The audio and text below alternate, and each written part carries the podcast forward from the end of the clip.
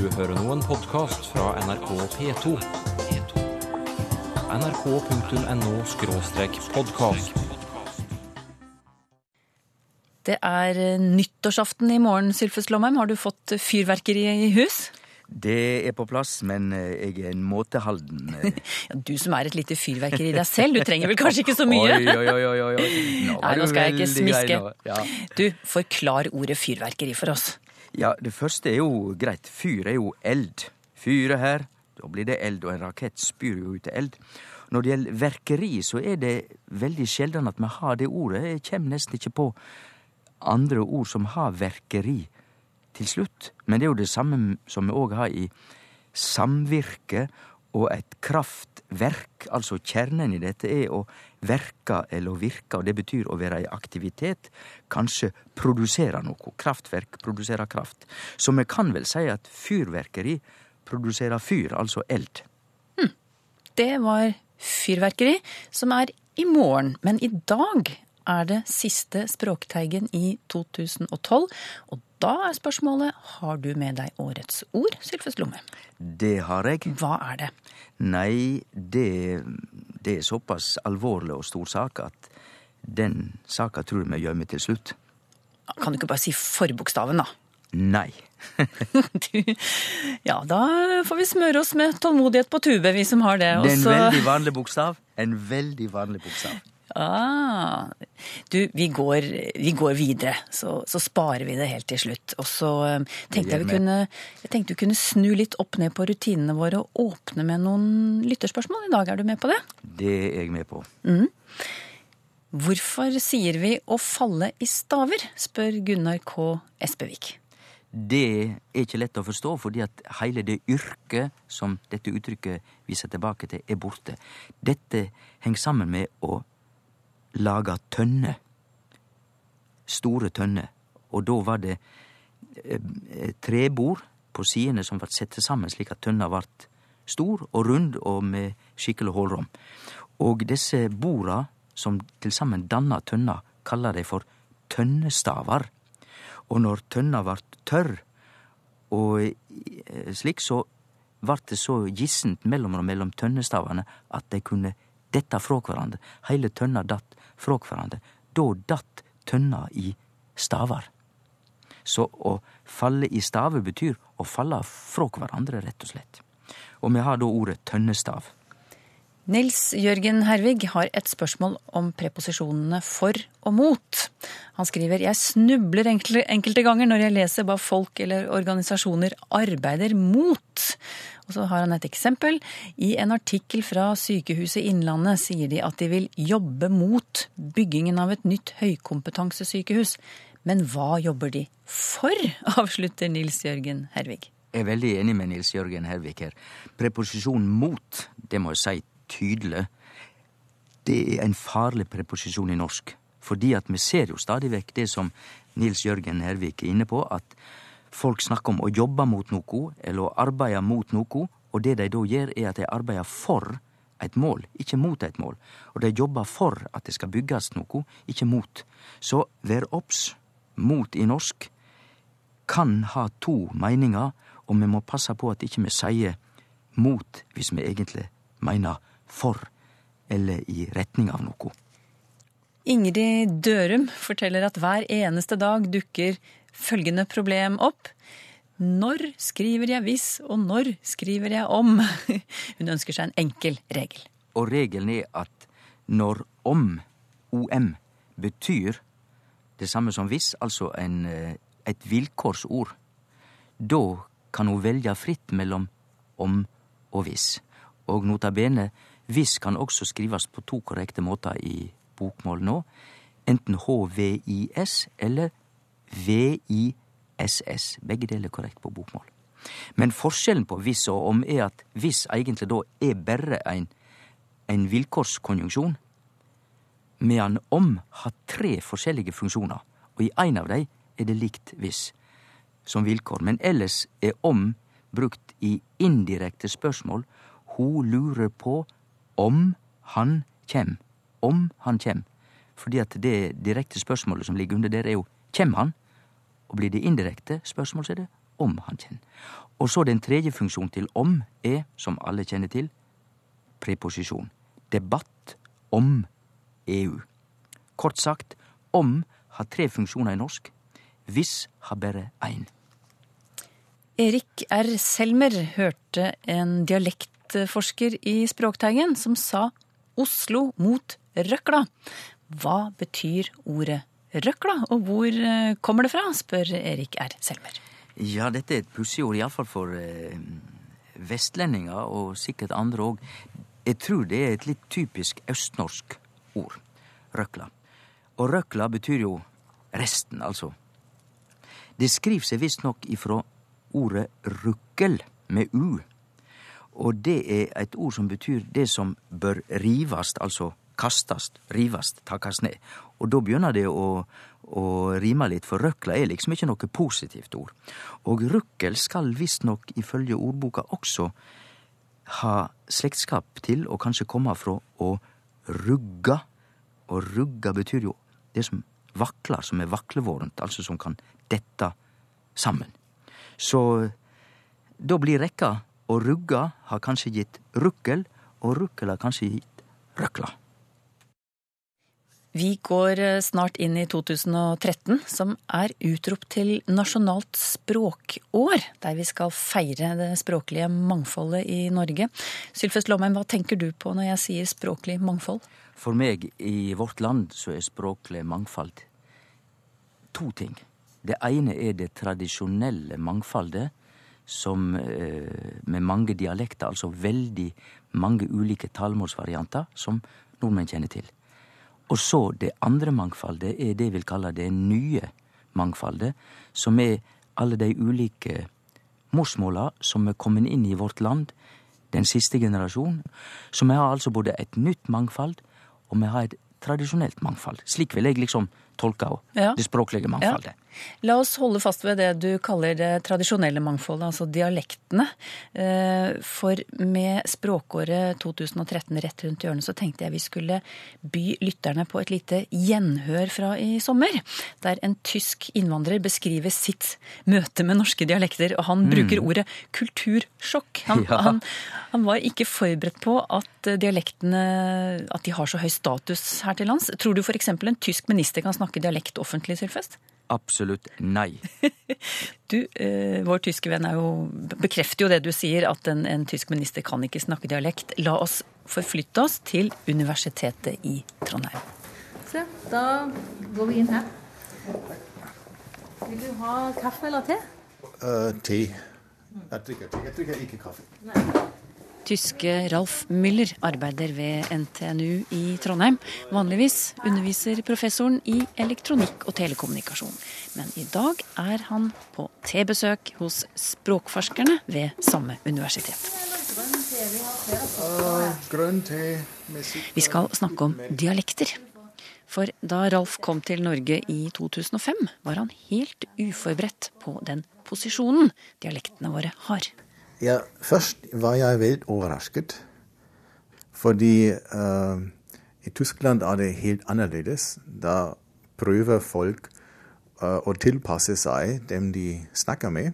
Så jeg kommer fra Bayern, hvor det er en ganske sterkt dialekt sammenlignet med andre deler av landet.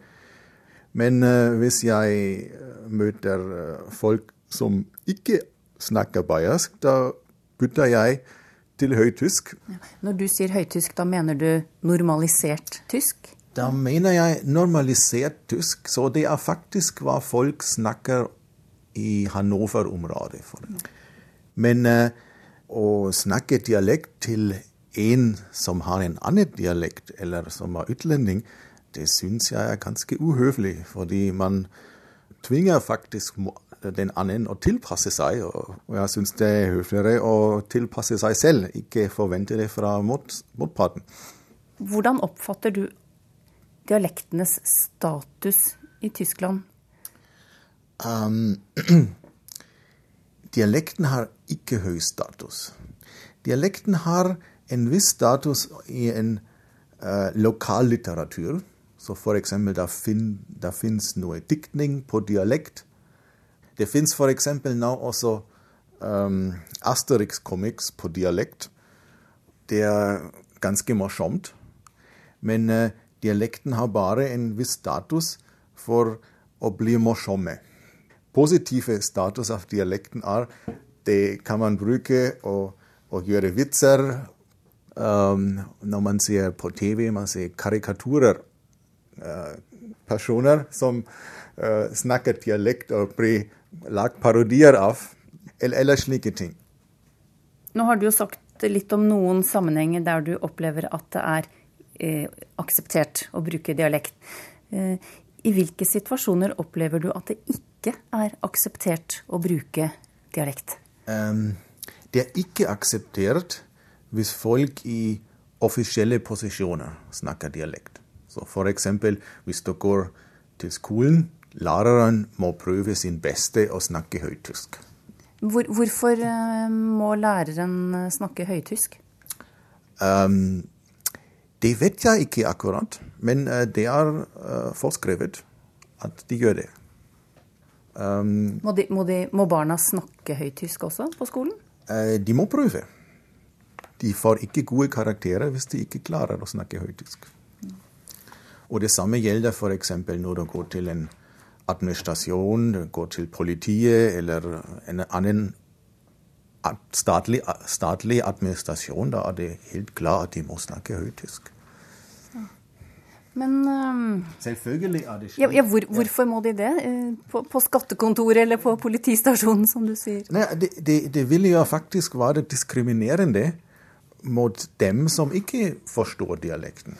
Men hvis du selv eh, trenger å gå inn på et offentlig kontor i Tyskland for å ordne noen saker, eh, hva slags språk ville du valgt da? Høytysk, selvfølgelig.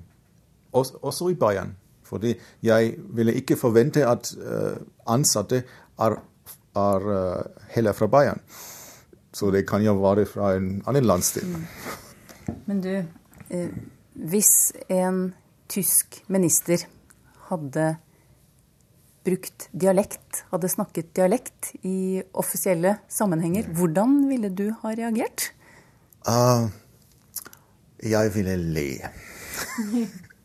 Og de fleste gjør det. Så um, Hvorfor ville du le?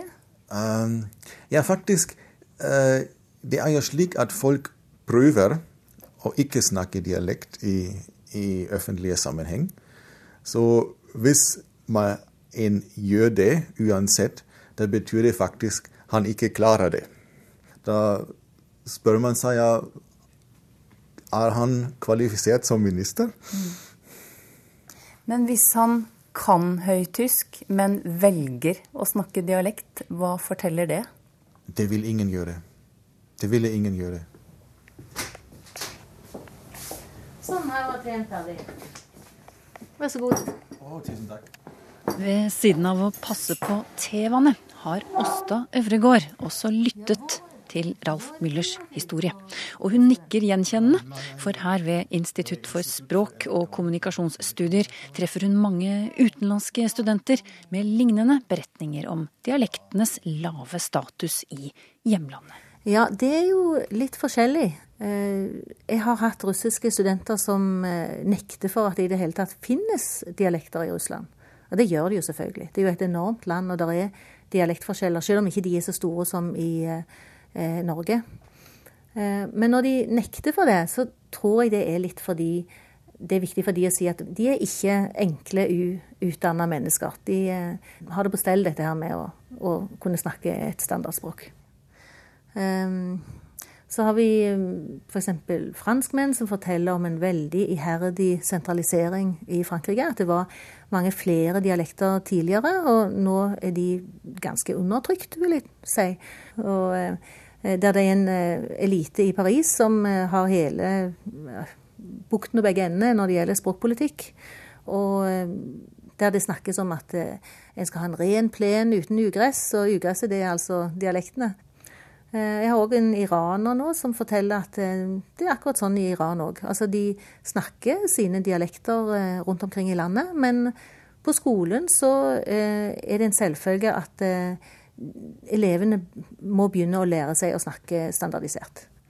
De utenlandske studentene du har snakket med, hvordan eh, reagerer de på den posisjonen dialektene har her i landet?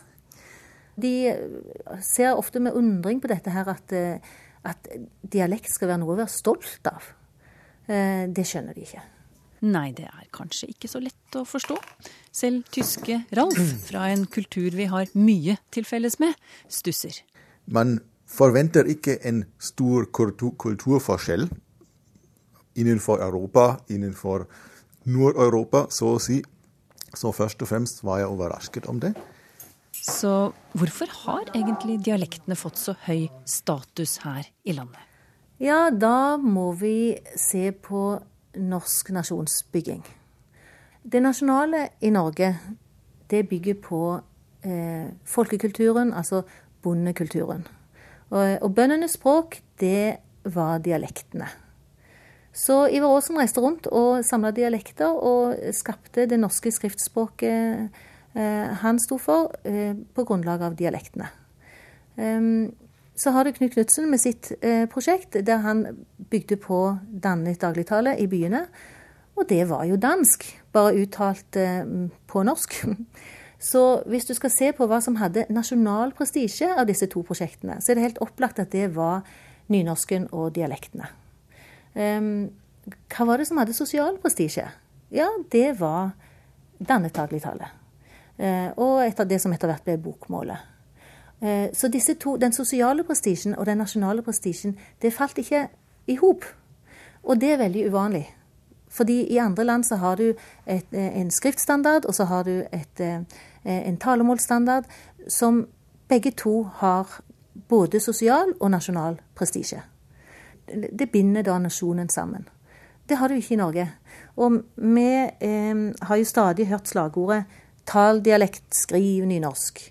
Og de fleste av oss vi eh, taler dialekt og skriver bokmål. eh, og vi har ikke noe press på oss til å lære å snakke noen talemålsstandard. Så altså finansminister Sibjørn Johnsen står og snakker hedmarksdialekt på eh, Stortingets talerstol, og kronprinsesse Mette-Marit representerer med sin sørlandsdialekt. Så det har ingen udiskutabel prestisje ved seg å snakke dialekt, for så vidt. Men det har heller ikke det motsatte. Du avslører deg ikke som uskolert og utdanna ved å snakke dialekt i Norge. Det mente Åsta Øvregård ved Institutt for språk- og kommunikasjonsstudier i Trondheim. Og den tyske professoren som undret seg over dialektenes posisjon her til lands, det var Ralf Müller. Innslaget hørte du første gang her i Språkteigen i august i år. Språket speiler eh, samfunnet, heter det. Er du enig, Sylfes Lomme? Jeg er veldig enig i det. Og det er derfor at eh, hvis du skal ha ei brutal, effektiv innføring i hva som rører seg i et samfunn, så skal du gå rett inn og sjå på ordbruken. De orda som er framme og som dominerer, de forteller hva som er oppe i tida i samfunnet. Mm. Og med det er vi framme ved kåringen av årets ord her i Språkteigen. Vi har fått innspill fra lyttere, fra journalistkolleger, og så har vi tenkt litt selv. Eh, og ja, Språkrådet kåret jo nyskapningen og navet til årets ord for kort tid siden. Vi her i Språkteigen mener vi har funnet fram til et ord som vi synes oppsummerer 2012 på en ja, en god måte. Men eh, vi må vel nevne noen av de andre kandidatene først, eh, Sylfest, tror du ikke det? Det må vi. Ja, vi, vi begynner ute i verden. Ja. Og da begynner vi med ordet eurokrise. Ja.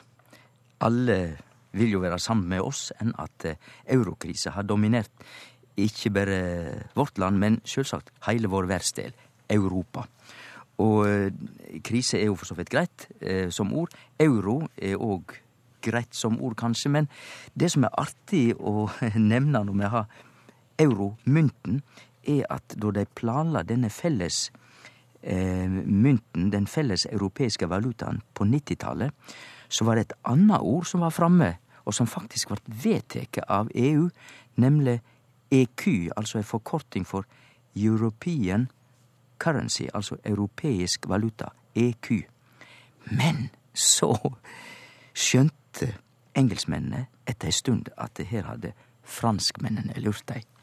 Fordi at alle franskmenn visste jo at EQ, det var navnet på en tradisjonell, gammel mynt ifra 1600-tallet, velkjent i bøkene til Dumas om musketerene, EQ-en. Altså hadde franskmennene bakvegen greit å få inn sitt tradisjonelle myntnavn på den nye europeiske mynten. Og det var jo ikke til å tåle, så da slo de kontra og gjorde et nytt vedtak og sa det nye navnet må være euroen, altså europeisk mynt. Euro. Et annet ord vi har sett på, er ordet doping. Det er ikke så typisk europeisk. Det vil si, hele året har jo vært prega av dopingskandaler i Tour de France innen sykkelsporten, og nå i høst eh, har det kommet finske reportasjer, og i det hele tatt Doping er nok et ord som har prega året. Spørsmålet er hvor har vi ordet fra? Da må veien gå til engelsk, ikke uventa. Det er amerikansk, og det er amerikansk slangord for et stimulerende middel. Doping. Og det var tatt i bruk som slikt ord for vel 100 år siden, altså rundt 1900-1910. Men der stoppa vi ikke, vi må gå enda lenger tilbake. Det viser seg at dette har opphavet sitt i nederlandsk. Vi veit jo at nederlandsk språk og kultur eh, hadde kraftig innslag i USA i de første kolonitidene og framover. New York, for eksempel, var Ny-Amsterdam. Og det nederlandske ordet som ligger bakom doping, det har med å dyppe å gjøre. Altså det du dypper noe nedi. En liten saus, kanskje, som du har i tillegg til noe annet, som setter spiss på måltidet ditt. Altså en stimulans. Så det rare er altså at ordet doping er i slekt med vårt tradisjonelle, gamle adjektiv djup, og også det som vi har på, på bordet nå i disse helgekveldene, dypp, som vi dyppa i. Ja, og hvis vi skal løfte fram et ord fra nasjonale hendelser og debatter, så har vi eksempel tilregnelig. Ja, det er vel det adjektivet som har blitt mest diskutert i hele 2012. Sjølve ordet er jo ikke vanskelig å analysere. Det er jo preposisjon til, og så har vi rekneleg, som har verbet å rekna. Og rekna er nok etter gammelt ikke det å behandle tal. Den opphavlege tyinga til å rekna er å fortelja eller å forklare. Og ein som er tilrekneleg, han er altså slik at vi kan, kan stole på han, og han er ansvarlig for det han gjør. Han er normalt ansvarlig, kan vi seie.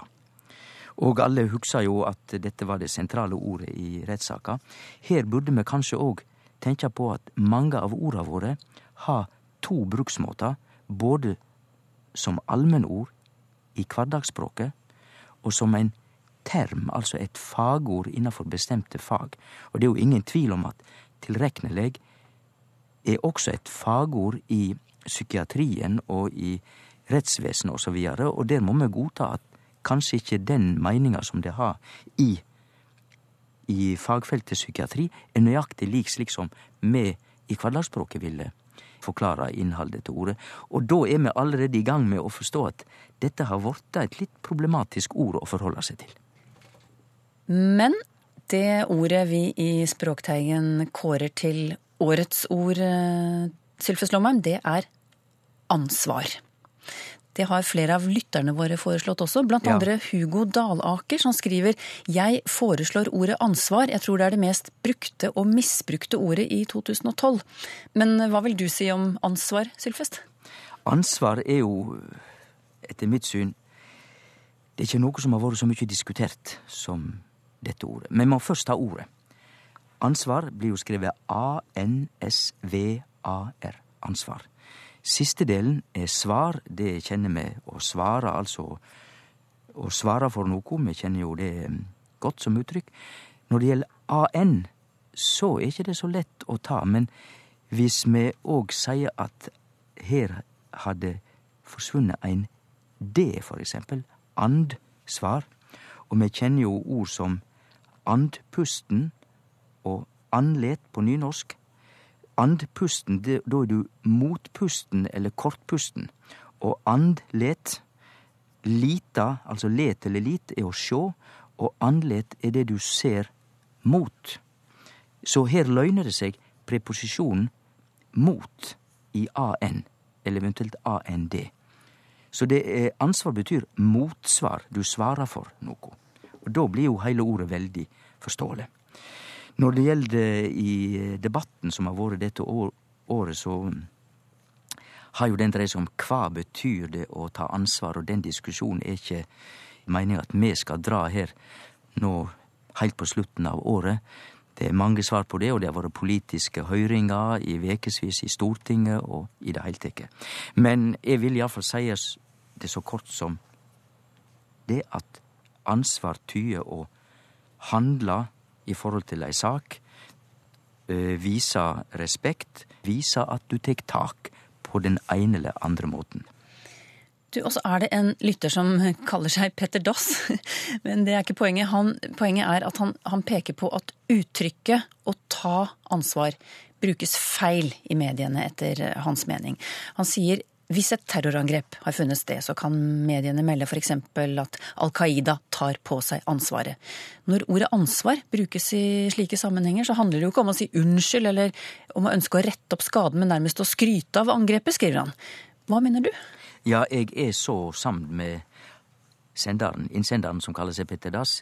Det er helt opplagt at Al Qaida gjerne vil at eh, pressa, journalistene etterpå, skal siterer dei på at dei tek ansvar, men der skal jo ikkje pressa springa ærende til Al Qaida. Det er ikkje Al Qaida som skal bestemme ordbruken, det er pressa sjølv som må vurdere, og det er heilt opplagt etter mi meining at han må skilje mellom å ta ansvar for noko, da ligg det underforstått at den handlinga er iallfall respektabel, men hvis du har gjort ei terrorhandling, så kan ikkje du ta ansvar for det. Det blir en hån mot det vonde som skjer. Da må journalistene omtale dette som at de har påtatt seg skylda for det. Så han må skilje mellom å ta skylda for og ta ansvaret for. Slik ble den siste utgaven av Språkteigen i 2012. Jeg sender krus og T-skjorter til noen av dere som har bidratt med spørsmål og ord. Og så høres vi i 2013, blant annet med en serie om norsk romani. Takk for i år.